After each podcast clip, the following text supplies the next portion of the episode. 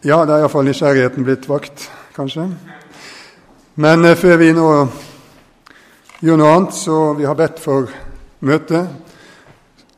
Men vi skal la den bønnen også være omsluttet av en nådehilsen, den som apostelen selv gir i kapittel 1 i Johannes' åpenbaring, når han hilser sine menigheter.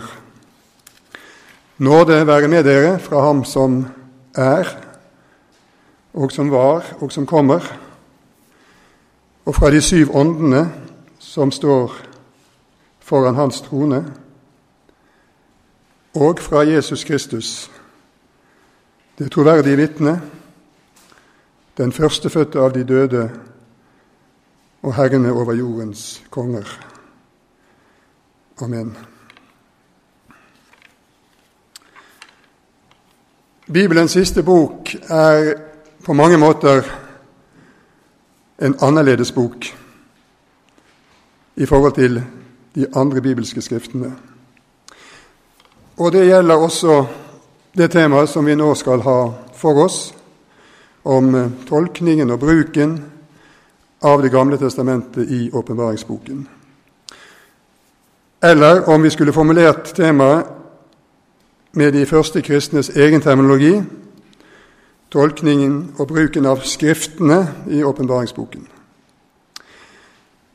Vi bør kanskje iblant minne hverandre om dette, at betegnelsen Det gamle testamentet den er ikke nytestamentlig. Og eh, den oppsto først som en betegnelse på samlingen av skrifter, den første delen av samlingen av bibelske skrifter.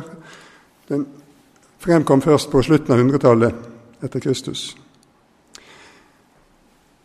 Med betegnelsen Skriftene så mente da de første kristne det samme som jødene. Samlingen av hellige, inspirerte og autoritative skrifter. Det helt særegne med åpenbaringsbokens bruk av Skriftene, det er jo det forhold at det ikke formelt sett finnes et eneste direkte sitat, altså i den betydning at det er innledet med en sitatformel, slik det står skrevet, eller Skriften sier, eller andre slike formler som vi kjenner fra andre nytestamentlige bøker.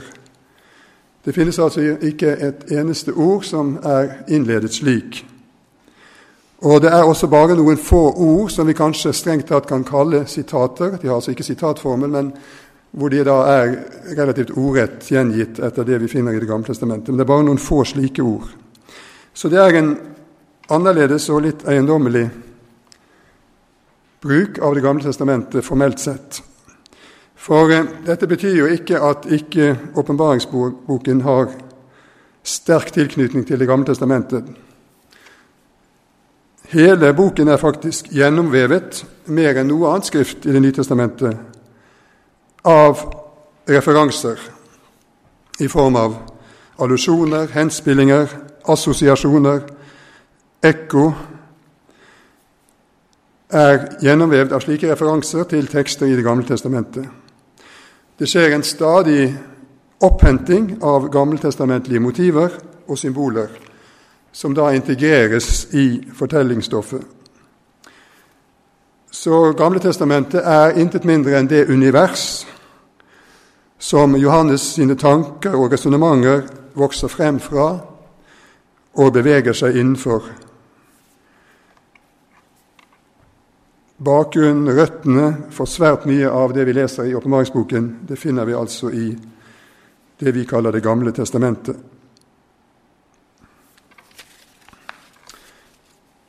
Vi er altså nå på punkt to. Og eh, litt statistikk til dette. Nå er det ingen entydig statistikk. Her er det Tallene varierer av naturlige grunner, som jeg straks skal si litt om. Men eh, hvis vi tar iallfall en utgave som har vært nokså mye brukt når det gjelder tallene på dette Det er altså 404 vers i disse 22. kapitlene. Og eh, noen har regnet ut at det er iallfall 278 av disse versene som inneholder en henspilling eller noe som har med Det gamle testamentet å gjøre. 278 av 404 vers. Og Det betyr ikke at det bare er 278 henspillinger, men det er flere innenfor samme vers, slik at man kommer til beregner noen 580 gammeltestamentlige allusjoner, henspillinger. Og i de tekstutgavene som eh, er de vanligste å bruke når man oversetter fra gresk til andre språk, standardverket der, NA som det står her, Nestle Aland, så er det faktisk et enda høyere tall hvis vi ser i margen hvor mange GT-skrifter som finnes i margen. Det er en slik bok som dette her. Dere ser ikke det, men slik ser den ut, og det er masse henvisninger i margen her istedenfor under. da. Og eh, der er det over 600 henvisninger til Det gamle testamentet. Og det er vel all time record, tror jeg, det som vi finner i selve tekstutgaven. Og eh, nå hadde jeg i mitt arbeid Det var jo en del med på arbeidet med Bibel 2011. Og den mest eiendommelige og vanskeligste oppgaven jeg hadde der, det var å skulle så å si synliggjøre i teksten i, åpenbaringsboken hvilke steder er det som kan nesten kalles sitater fra Det gamle testamentet. Det var min oppgave. Og jeg har vel aldri følt meg så ydmyk, og jeg er aldri kanskje så klar for kritikk som på dette området her når det gjelder resultatet. For det var en nesten umulig oppgave. Men jeg vil se, hvis dere ser på det andre arket med, som dere har fått med tekster, så står det nederst en tekst der som er gjengitt fra Bibel 2011, og som viser da altså Bakgrunnen er at man i Bibel 2011 kursiverer alle sitater fra Det gamle testamentet, slik at de skal være lettere å, å se at nå siteres det fra Det gamle testamentet. Men eh, åpenbaringen 1.12-16 ser dere at det er en god del som er kursivert der, men ikke alt. Og Her kan man med god grunn spørre hvorfor er ikke det kursivert, og hvorfor kanskje er det kursivert og ikke det andre. Ja, det spør jeg meg selv om, men jeg har altså da antagelig en, en begrunnelse for det, men det er ikke lett. Og jeg følte vel at her er det lett å bli vilkårlig, og vanskelig å vite når skal man bruke kursiv og ikke. Men det har altså med hele temaet vårt å gjøre. Slik er det. Men i alle fall så er det helt klart at det er enormt mye gammeltestamentlig stoff som forfatteren Johannes bruker når han skriver Apokalypsen. Når det gjelder da hvilke skrifter han spesielt er opptatt av og knytter til, punkt tre, så er tre fjerdedeler av Gamletestamentets 39 skrifter de er, er representert i åpenbaringsboken. Og alle de tre skriftgruppene som, man, som jødene da deler skriftene inn i, loven, profetene og skriftene, de er representert. Og nå har jeg nevnt de bøkene som er oftest representert, og da i ja, ikke i stigende rekkefølge, som det heter i lottotrekningen, men motsatt, altså i, fra det høyeste til det, det laveste her, da. De som er sterkest representert, står først. Altså Jesaja-boken har flest treff, for å si det slik. Så kommer Daniel og Esekiel. Vi kan godt si at de tre står litt i en særklasse når det gjelder frekvens, høy frekvens. Og Så kommer salmene, 2. Mosebok, Jeremia, 5. Mosebok, 1. Mosebok, Joel og Zakaria. Og Det er altså de tre første som dominerer mest. Og det er jo ingen tvil om at å lese åpenbaringsboken det krever ganske mye av oss lesere når det gjelder bibelkunnskap, kort og godt.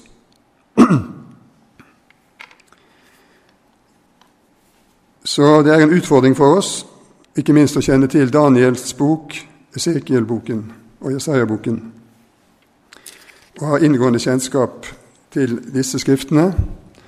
Det er litt av en forutsetning for å skjønne noe av budskapet som Johannes vil formidle.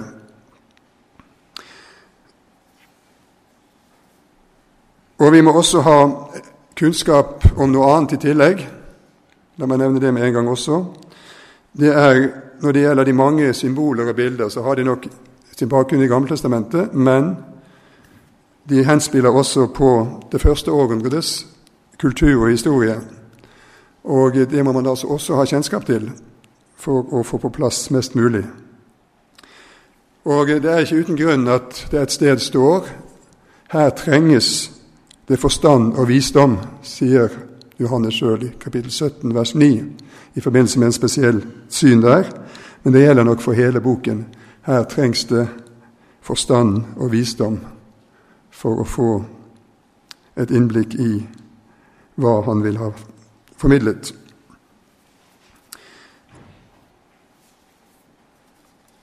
Nå kan man jo spørre seg forventer så å si forfatteren at vi har dette. Forventet han at de første leserne hadde denne kunnskapen? Det er noe i narratologien, altså i litteraturvitenskapen, som kalles den ideelle leser. Og hvem er den ideelle leser for Johannes? Hvem var det han håpet skulle lese dette, og som da hadde kanskje forutsetninger for å forstå iallfall ganske mye av det han skrev? Ja, det vet vi ikke så mye om, men vi må anta at han trodde at de fleste av hans lesere ville kunne forstå disse hentydningene, henspillingene, assosiasjonene som han, som han har med det han skriver. Men det har ikke da kanskje vi i samme grad uten videre, og derfor så har vi en jobb å gjøre. Nå er det et metodisk problem her. Det må vi bare innrømme. Og Det gjenspeiler seg altså i dette hvor mange henspillinger er det at tallet på det varierer så enormt. Eller iallfall ganske mye. Fra kommentar til kommentar så kan det variere med et par hundre. Så skyldes jo det hva man mener med begreper som henspilling, ekko osv. Hvordan skal vi forstå dette? Skal man gi en definisjon av det mest mulig presis? Det er ikke enkelt, og det er uh, ulike kriterier som legges til grunn for å beskrive hva dette egentlig er.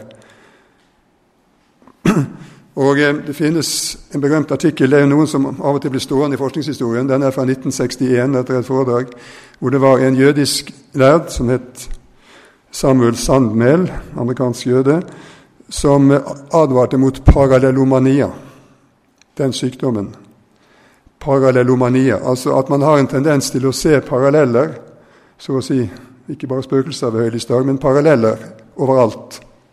At man lider av den sykdommen. Han advarte sterkt mot det, og har en artikkel da som skal hjelpe til å kurere eventuell slik sykdom ved å gi mer spesifikke kriterier for hva er en tilsynelatende allusjon, hva er en ekte allusjon, hva er en allusjon bare for noen få som har en helt eventuelt spesielt god fantasi, eller noe slikt? Og hva er, det, hva er en regel som alle kan se at det må være en bevisst henspilling? Ja, så her er vi inne i et svært vanskelig metodefelt. La det bare være nevnt. Men eh, vi må jo likevel tenke igjennom da, hvordan forestiller vi oss at Johannes har arbeidet når han skrev åpenbaringsboken. Skrev han etter hukommelsen, og den var sikkert meget god? Så han hadde masse bibelstoff oppi i bakhodet. Eh, og om det da ble eksakt slik som det var skrevet, var i og for seg ikke så avgjørende, men han fikk frem en rekke lenker til Det gamle testamentlige. Eller hadde han Skriften, Skriftene, foran seg? Og Hvis han det hadde, ja, så er det igjen et stort metodisk problem. Hvilke skrifter hadde han foran seg? Og Det diskuteres frem og tilbake uten noen konsens i forskningen. Var det Det gamle testamentet på hebraisk, og hvilken utgave av Det gamle testamentet i så fall? Det var i flere ulike utgaver. Vi skal ikke tro at den var identisk med vårt gamle testament uten videre. Var det det som var hans primære kilde, eller var det en gresk oversettelse av Det gamle testamentet? Septuaginta, som vi gjerne kaller den mest kjente, førkristne oversettelsen av Det gamle testamentet, eller en senere gresk oversettelse, Theodotion eller andre. Ja, her er det mange ubesvarte spørsmål, men det har jo betydning for eh, hva vi gjør når vi skal da finne igjen mest mulig i Det gamle testamentet. Men det er altså ikke sikkert at vårt gamle testament eksakt er den samme tekst som Johannes hadde, om det nå var i bakhodet eller i foran seg skriftlig. Det er ingen tvil om at Johannes var fortrolig både med den hebraiske og den greske teksten. Det mener iallfall jeg. Det tror jeg er helt klart. Men hvordan han brukte, og hva han brukte, og hvordan han kombinerte, det, det er spennende, og det er slikt som forskerne, gir forskerne noe å arbeide med fremdeles. Jeg har da kommet til det punktet som heter sjanger. Og Nå kan det jo synes at det kanskje ikke skulle være nødvendig i det temaet jeg har fått. Men jeg mener det er det, fordi det vet vi alle at det er helt avgjørende når vi skal lese eller høre en tekst, at vi er klar over hvilken sjanger, hvilken teksttype det er vi har foran oss. Det er med på å gi oss de rette forventninger til teksten, og vi vet at ok, det er den sjangeren, ja, da forventer jeg det og det. For min leseropplevelse er det meget betydningsfullt og viktig. Og også dette temaet når det gjelder bruken av Det gamle testamentet i åpenbaringsboken, så kan det være avgjørende hvor, hvordan vi bestemmer sjangeren av dette skriftet. Og da er det i alle fall Og det er litt usedvanlig, det er faktisk flere sjangre. Vi er jo vant til å omtale boken som Johannes' åpenbaring. For øvrig ikke et så godt navn, det burde hete Jesu Kristi åpenbaring ved Johannes. Eh, det står jo Jesu Kristi åpenbaring, det er slik den innledes. Men altså der forekommer det ordet åpenbaring, apokalypse på gresk, apokalypsis.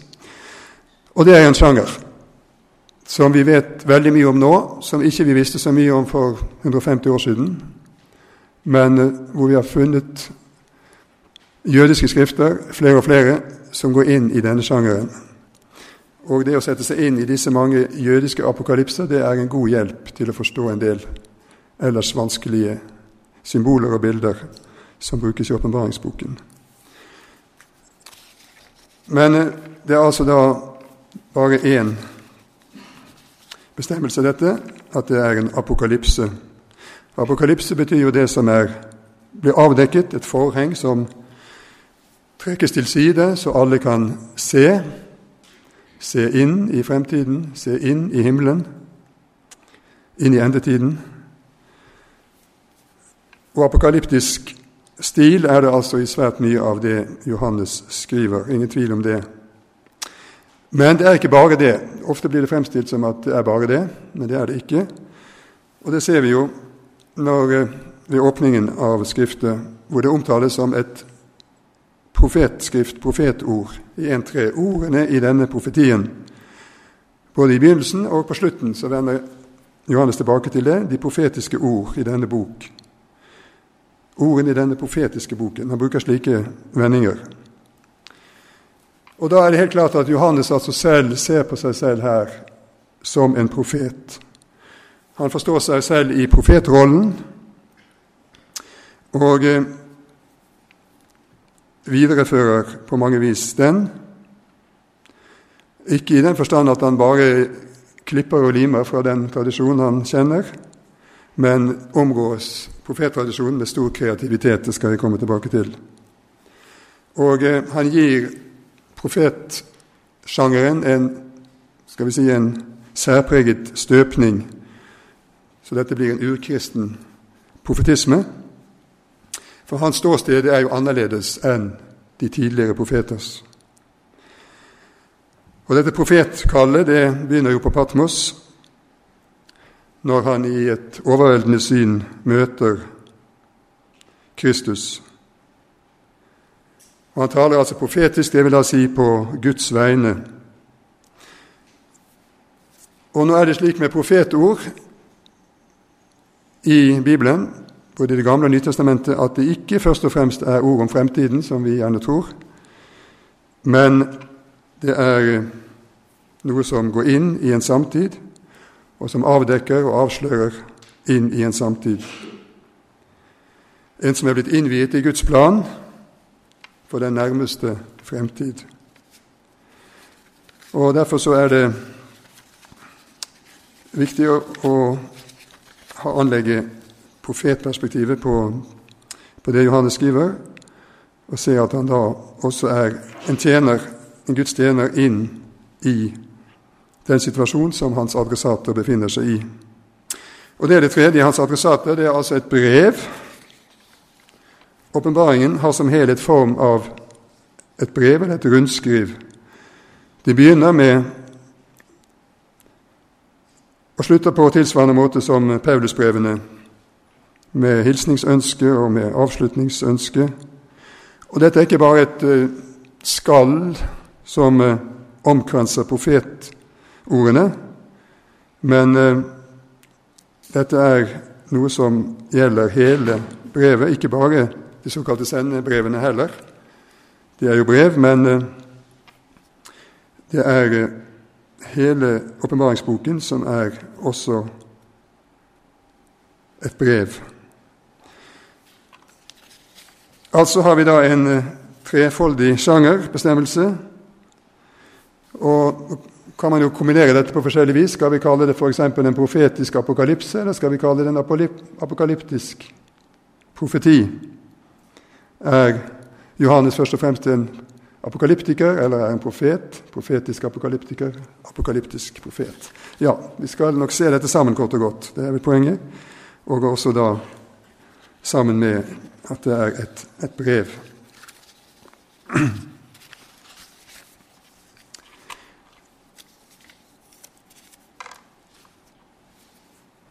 Da er vi kommet til eh, punkt syv, og det var vel på tide, syns noen, at vi skal komme til temaet. Men jeg mener altså å ha vært inne på det på denne måten også, og mener det er nødvendig, den omveien eventuelt som jeg har tatt. Men eh, spørsmålet som interesserer oss, er jo da ikke bare at, at Johannes i så stort omfang bruker og tolker Det gamle testamentet, men eh, hvorfor og hvordan han gjør det. Hvorfor og hvordan han gjør det.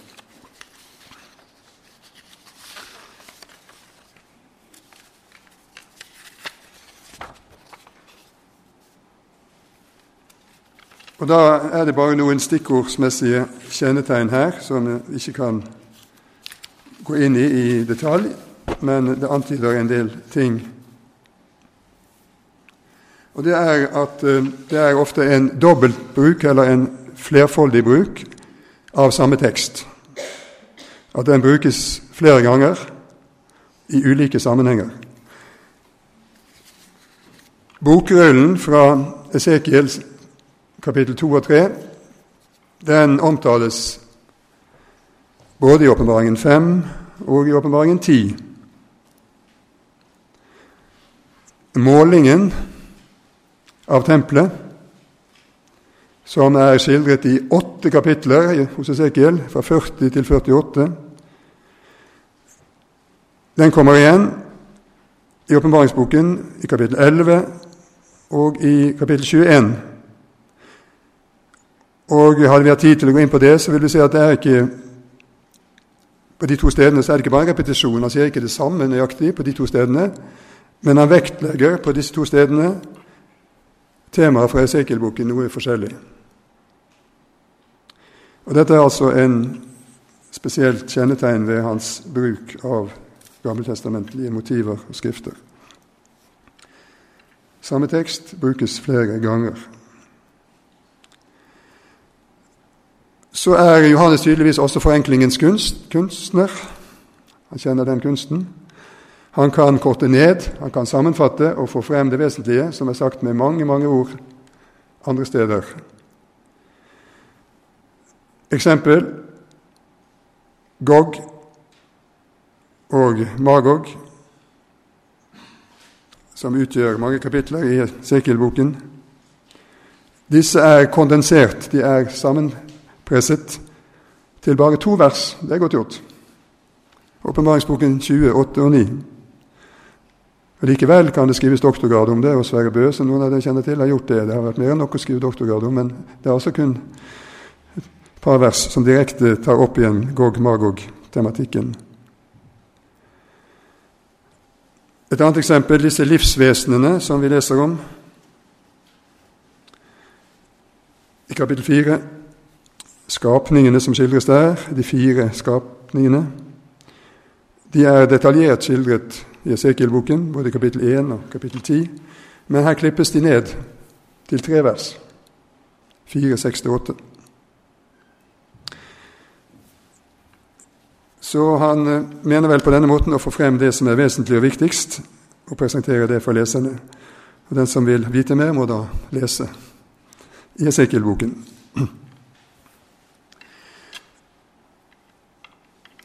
Så er det det vi gjerne kaller en universalisering som skjer i bruken av Det gamle testamentet. Det vil altså kort og godt si at det som i Det gamle testamentet i første omgang, ja kanskje ikke bare i første omgang, men som eksklusivt og spesifikt gjelder det gammeltestamentlige gudsfolk, som gjelder jødene, det utvides til å gjelde alle folkeslag. En universalisering. Det altså skjer en analogi, det som da er sagt til Guds folk i den gamle pakt. Det er analogt med hvordan Gud taler også i den nye husholdning, frelseshusholdning. Bare et eksempel. I åpenbaringsboken kapittel 1, vers 7 Jeg kan jo slå opp hvis dere har Bibelen foran dere. Eh, den er vel ikke med på arket? Nei.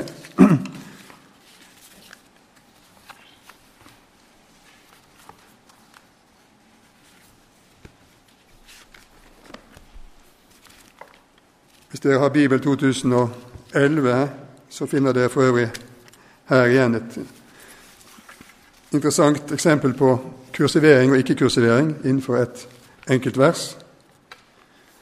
Det er ca. 20 vers som er kursivert i Bibel 2011, helt eller delvis kursivert når det gjelder Gammeltestamentlig tilknytning.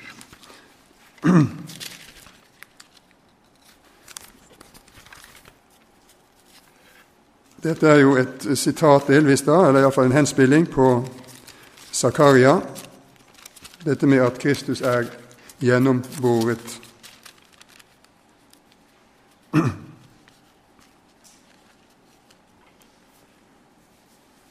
Han kommer med skyene, sier han kommer med skyene, kursivert i Bibel 2011. Hvert øye skal se ham, hvert øye Ikke kursivert, veldig nøye her, men skal se.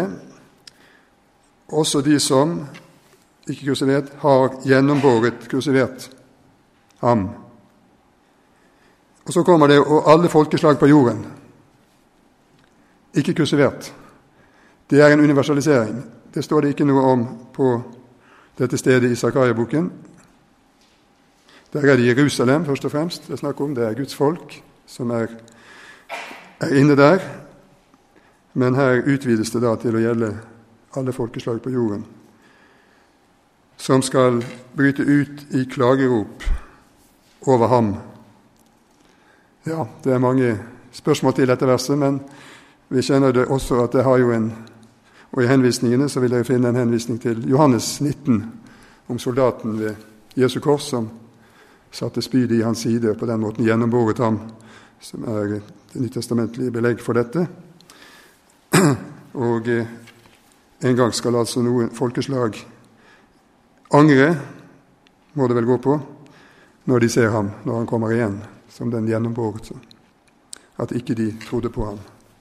Men iallfall, poenget mitt nå var det bare at her skjer det et av mange eksempler på en universalisering av det som var eksklusivt knyttet til Guds folk i Det gamle testamentet.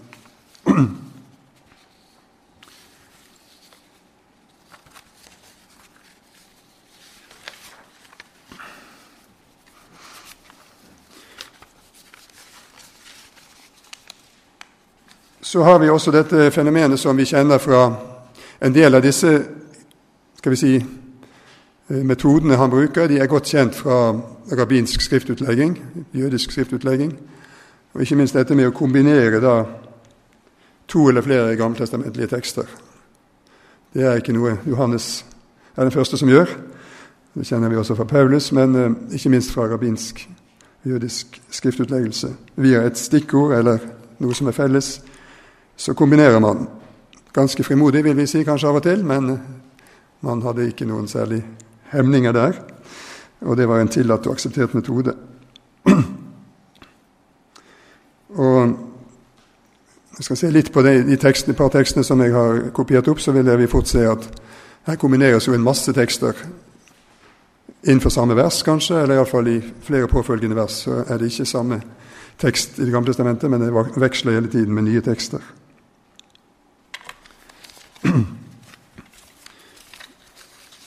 Og det er også mange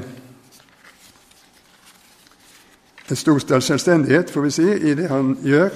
En kreativitet. Litt forskjellige begreper på dette i forskningen, hvordan man skal best si, karakterisere hva er det Johannes gjør her.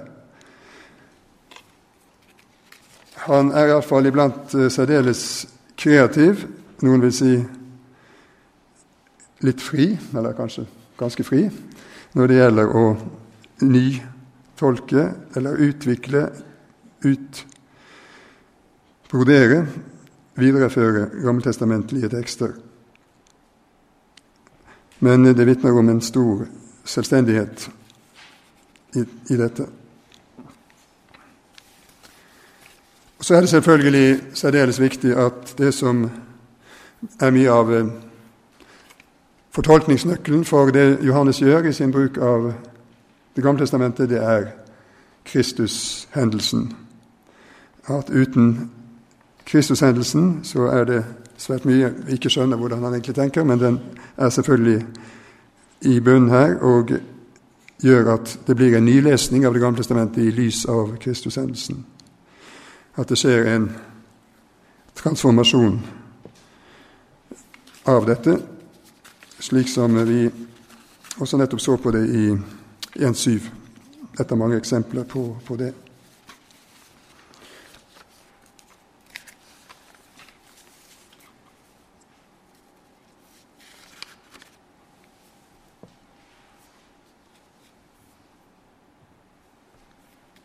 Og da skjer det også, Når han tenker å jobbe på denne måten, så skjer det ofte litt overraskende ting.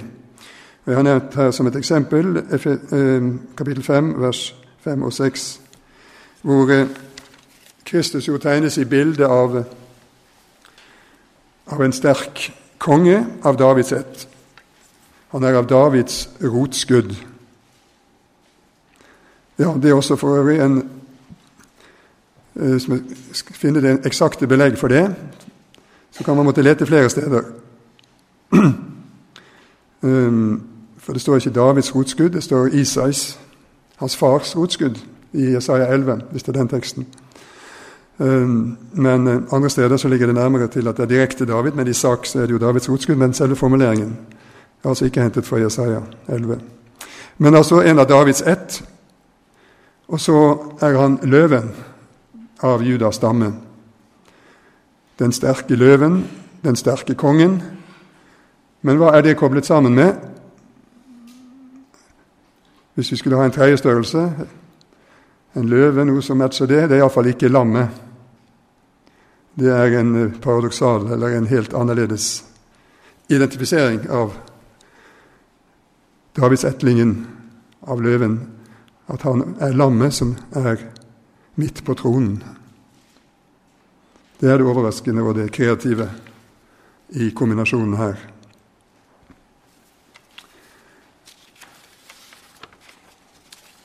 Det som da skjer i bruken av Det gamle testamentet, slik Johannes gjør det, det er å understreke at det en, er en kontinuitet gjennom frelseshistorien. at Guds historie med sitt folk den utspiller seg på analogt vis. Og Derfor er det så mye i Det gamle testamentet og det vi leser om Guds folk der, som er til hjelp, til trøst, for også Guds folk i den nye pakt. At de skal vite, og det gjelder ikke minst mottakerne av åpenbaringsboken, som er i nød og i trengsel og forfølges for Jesu navns skyld, at eh, det er fremdeles, de er fremdeles en del av den samme Guds historie. De er gjenstand for den samme Guds gjerning som Israel opplevde. også deres tid er Guds tid, og det skal de trøstes ved. Det skal de få et nytt håp igjennom, og kunne se dette i det lyset. Og Da kan vi se kanskje litt på et par av Eller på de tekstene som de har på det andre arket, for å eksemplifisere noe av dette som jeg har vært innom her nå.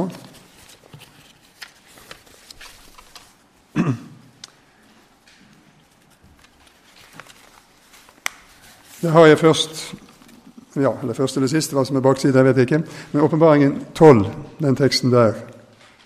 12, 1-6. Og Der har vi et godt eksempel på at hvert enkelt vers åpner for en strøm av gammeltestamentlige assosiasjoner og kombinasjonsmuligheter. Og vi, Skulle vi gjøre dette veldig nøyaktig, så hadde det vært interessant å se hvilke henvisninger finnes i de ulike bibeloversettelser til f.eks. disse ordene her, eller til andre i åpenbaringsboken. Det vil variere en god del. Og hvem er jeg som skal si at noen av de er feil? Men eh, det er altså, man ser kanskje noe Noen ser det som en primær referanse, andre et annet. Og Til sammen så blir det kanskje veldig riktig. Men eh, av og til så undres man på hvorfor det ikke er noen referanse i det hele tatt, slik som her til det første verset om kvinnen som er kledt i solen med månen under sine føtter og med en krans av tolv stjerner på hodet. Rent uh, ordmessig så er jo det først og fremst en henspilling på Første Mosebok 37,9 om uh, de som bøyer seg for Josef. Og uh, det er altså en metaforbruk her om Jakob, hans hustru, og om Israels elleve stammer, da, men altså underforstått også da de tolv. Um, og slik utbroderes denne teksten også i jødiske kilder ellers. Jeg viser til Josefus og Filo. Det er også noe man bør kjenne til, faktisk. For um, der er det en del bruk av Det gamle testamentet som ligner på, på Johannes, og som ikke vi ellers kjenner fra, fra andre kilder. Bl.a.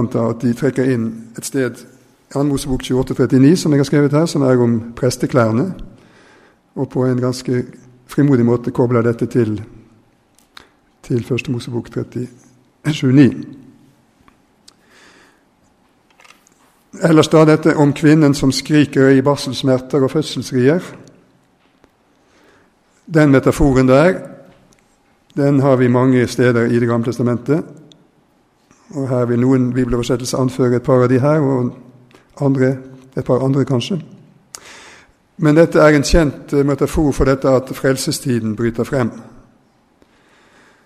Og eh, det er da ikke vanskelig, for å si det slik, for Johannes å bruke og overføre dette til å gjelde også frelsestiden for det nye Guds folk, som bryter frem i Kristus. Men det er altså en del av den samme frelseshistorie. Det viser til hvordan frelsen har brutt frem allerede for Guds folk, og Gud griper inn til frelse i den gamle pakt. Og Da er dette dramatiske og bildet og anskuelige bildet det brukes. Når det da gjelder denne dragen med de syv hodene og de ti hornene, ja, da vet de mest skriftlærde blant dere med en gang at vi er i Daniels bok. Vi er i kapittel syv spesielt. Men eh, de fire dyrene som, eh, som, vi finner der, de er på en eller annen måte sammenfattet i dragen.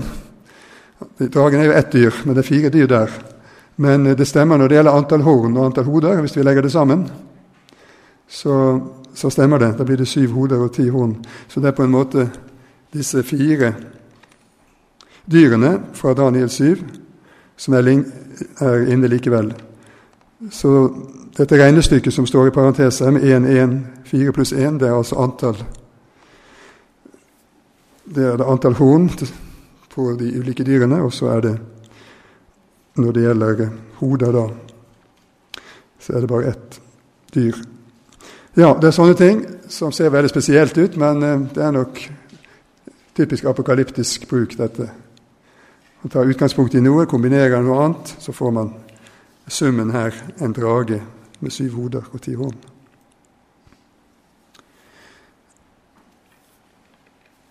Og denne dragen da, den river ned en tredjedel av stjernene på himmelen med sin hale. De kastes ned til jorden. I Daniel 8,10, som vel er det nærmeste bakgrunn, så er det altså en bukk med et horn som gjør det samme. Men eh, om det er en bukk eller en drage, det er ikke poenget her, men det er noe som skjer altså i, i dette, innenfor dette. At det er motstandere, det er noen som er i opprør mot Gud og hans frelsesplan og forsøker å forhindre det, osv. Og, så og eh, her knyttes det an til bukken i, i Daniels bok når det gjelder dragen i det apokalypsen. Så ser dere at det står dragen ville sluke barnet så snart det er født. Så står det ingenting på høyrespalten her. Det er ikke bare en forglemmelse, men her kan man undres hva skulle man anføre her? Ja, det er vel kanskje det helt prinsipielle fiendskapet mellom slangens ett og Kristi ett og slike ting man skal tenke på, som kan være i bakgrunnen. Men det er ikke noe direkte eh, ord, ordsammenheng med noe som helst i Det gamle testamentet. Men vi må vel gå enda dypere hvis vi da skal ha en referanse her. Og det er da heller ikke kursivert i den norske teksten, å si det slik. Men at hun da fødte et guttebarn, det er naturlig å tenke på løftene om Messias fødsel. Et barn er oss gitt, osv. Fra Jesaja, både Immanuel-perikopen i Jesaja 7 og fra kapittel 9, hvor det er et poeng altså at det er et guttebarn. Det er at dette er et, en mann som skal fødes, som er fødes, det er understreket sterkt. Så kommer det noe som ser ut til å være sitat, ordrett, fra Salme 2,9, om denne messianske hersker, at han skal styre alle folkeslag. Ja, hvis dere ser sitatet, så, så står det da 'knuse dem med jernstav'. Det er Septuaginta som har det.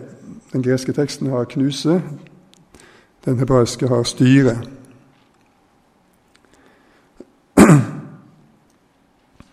Så her er det en forskjell på det eventuelt med styre og knuse gjennom gresk og hebraisk tekst. Men poenget er at det er en, en Davids, Davidide, en hersker fra Davids ett, som skal styre folkeslagene. Og så kommer det dette at barnet ble rykket opp til Gud, til hans trone.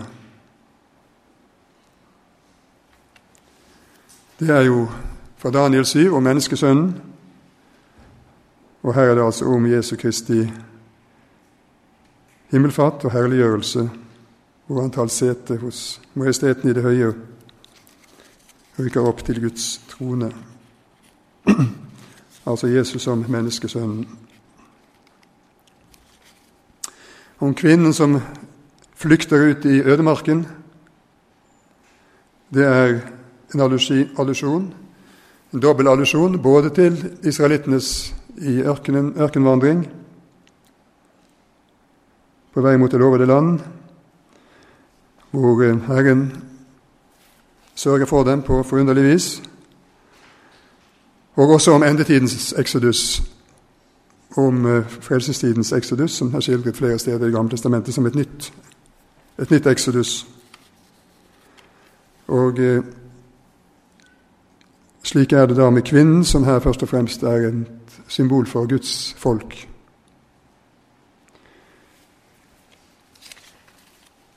Og så er det taler et veldig apokalyptisk begrep her om de 1260 dager. 1260 dager. Det er i Daniel 7 gjengitt på en annen måte, men det er samme sak. Én tid og tider og en halv tid. Veldig kryptisk og vanskelig, kanskje. Men eh, det er altså tre og et halvt år det er snakk om. Og det uttrykkes på forskjellig måte. Og det er et innbegrep på selve trengselstiden. I jødisk tradisjon så er disse 1260 dager eller de tre og et halvt år eller én tid og tid og en halv tid, det er alt sammen uttrykk for en spesiell trengselstid som er over Guds folk. Og da sammenlignes også dette som slår inn her, eh, det med trengselstider tidligere i Guds folk. Men eh, det er altså en bibelsk tidskode, kan vi si. Dette tallet en tidskode for den store trengsel. Men det er altså noe som skal ta slutt. Det er også det trøsterike. Det er ikke noe som skal vare for, for alltid. Og nå kunne vi jo brukt resten av tiden, hvis det hadde vært det er ikke mye igjen, på å gå gjennom resten av kapittel 12. Men bare en par kommentarer til det. Hvis vi leser videre her ja, Hva er dette for noe, hvis dere har teksten foran dere? Fra vers 13, f.eks. Med en ildsprutende drage med syv hoder og ti horn, et nyfødt guttebarn altså som så vidt slipper unna drakens kjeft en mor som rømmer fra drakens raseri. Tar ørnevinger på seg til og med og flyr av sted ut i ødemarken, der det er noen som sørger for mat og, og ly. Ja, noen har sagt at dette kunne vært ingrediensen i et spennende eventyr, fortalt i en hyggestund foran peisen. Men eh, hvor fantasien da settes i sving. Men eh, dette er jo en kodet melding om grusomme realiteter som forfatteren selv har følt på kroppen, og som hans menigheter opplever. Og som menigheter opplever til alle tider, Guds menigheter, og ikke minst i vår tid. Antall kristne martyrer har som kjent aldri vært så stort som i vår tid. Men de djevelske strategiene, altså, de er de samme. Og her får vi vite om det, men vi får også vite først og fremst at det er en som tar vare på sitt folk. Som dekker bord i ørkenen, som det er tale om her. Kirken som lever kun fordi det er en som dekker bord for henne. Men slik er det altså i mange steder i verden, det som skildres her. Og så skal dette gi trøst og håp likevel inn i det forferdelige.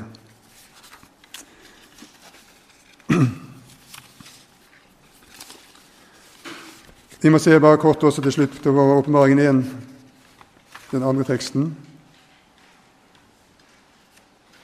Kapittel 1, 12-16.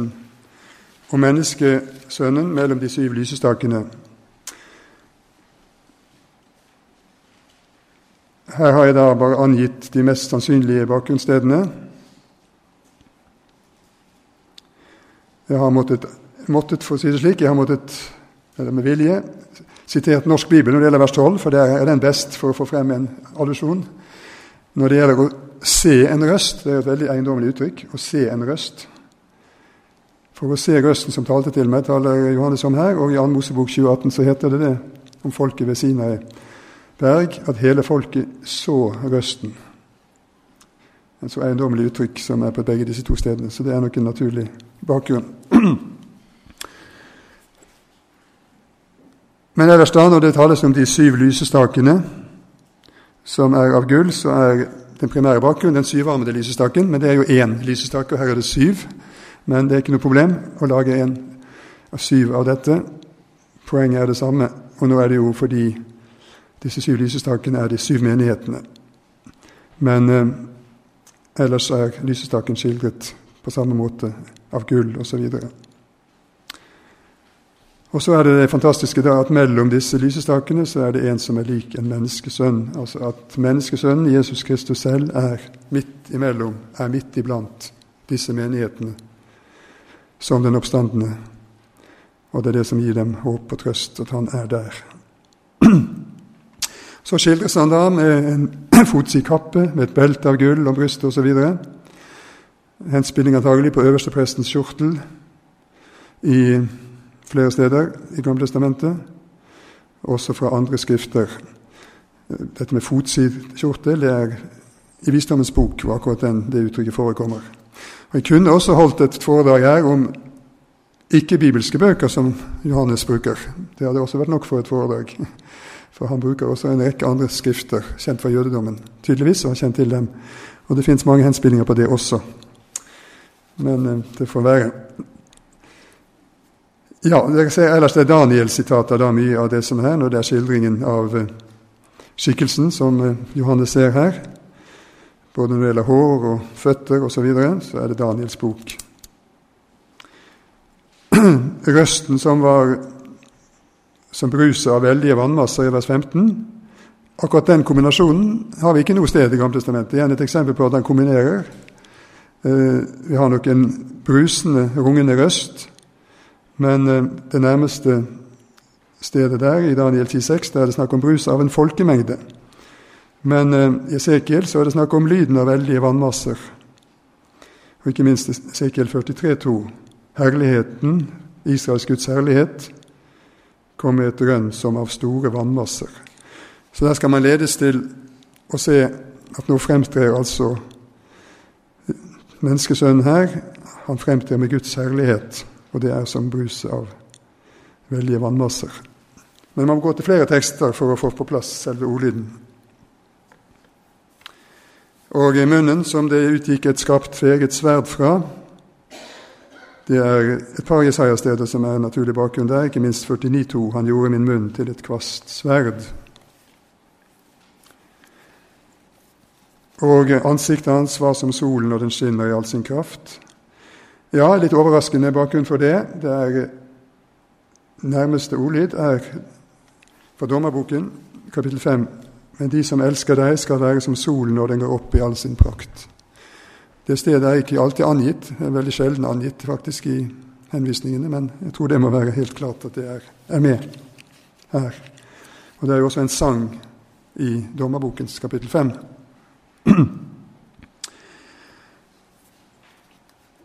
Så helt til slutt igjen, for å aktualisere det, noe av det jeg har snakket om. Åpenbaringsboken 1310.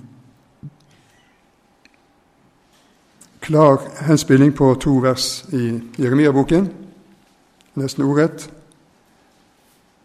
Men en helt ulik sammenheng hvordan det ordet brukes. Om at den som er i fangenskap, ja, den må gå i fangenskap. Den som skal drepes med sverd, må dø for sverd. I Jeremia-bokens sammenheng så er det uttrykk for en straff mot mennesker som lever i synd og vantro. Men her overføres det til noe helt annet. Dette er martyrenes skjebne. De som ikke kan slippe unna, og som faktisk kanskje heller ikke skal prøve å slippe unna. Det er det ja, det er vanskelig kanskje og uforståelig, men det ser slik ut at de skal lide de skal lide døden for Jesu Kristi skyld. Og det er faktisk da noe som på en forunderlig måte er, har en link tilbake også det. Men her gjelder det altså det, det nye Guds folk. Det transformeres, dette utsagnet fra Jeremia, på denne måten.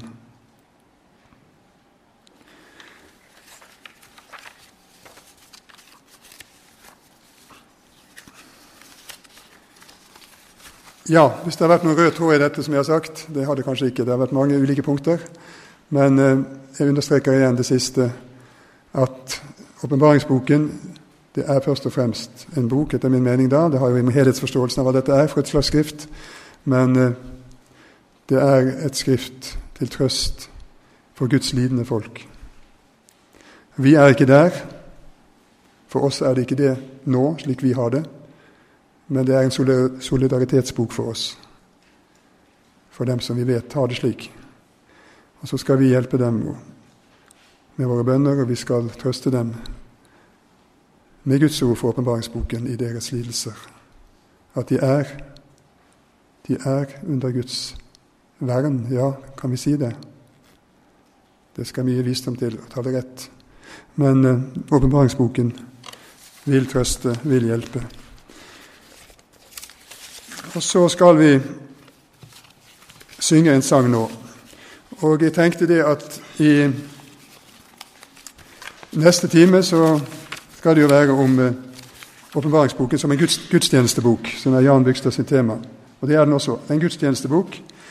Og eh, det er mye liturgi. Og det er også veldig mye om sang og lovprisning. Og det er veldig fint om vi kan drive med litt forhåndstrening på den korsangen som vi skal være med i en gang i det store lovsangskoret. Vi skal heldigvis slippe å synge individuelt, iallfall jeg er glad for det. Vi skal synge i et stort, mektig kor. Så Da kan vi synge med den stemme vi har. Den blir sikkert forvandlet, forresten. Men eh, i alle fall så er det et herlig kor, og eh, det skal bli godt å synge der. Guds menighet i himmel og på jord skal med samstemt jubel prise Herrens navn. Det har vi jo nattverdliturgi. Og da er det godt som sagt å begynne å øve på de sangene. Og Det er i kapittel 15 en merkelig uttrykk for det. Det er Moses-sang og lammets sang. En merkelig kombinasjon. Hva skal vi synge av Moses? Er ikke vi ferdig med han og deler det? Men det står faktisk det. Det er Moses-sang og lammets sang. Da må det bare være sagt. Det er en kontinuitet der også, tydeligvis. Men hva har vi i vår salmebok? Vi har masse. Jeg eh, hadde håpet å finne, men det har ikke noen som vi har her, å finne Og hvor salig skal vandre'. Men eh, den har vi ikke her. Hvor salig å forvandre. Men vi har noe som er i nærheten, på 750. Og der er det snakk om også å synge lammet til lammets ære og pris. Og Vi synger fra vers 2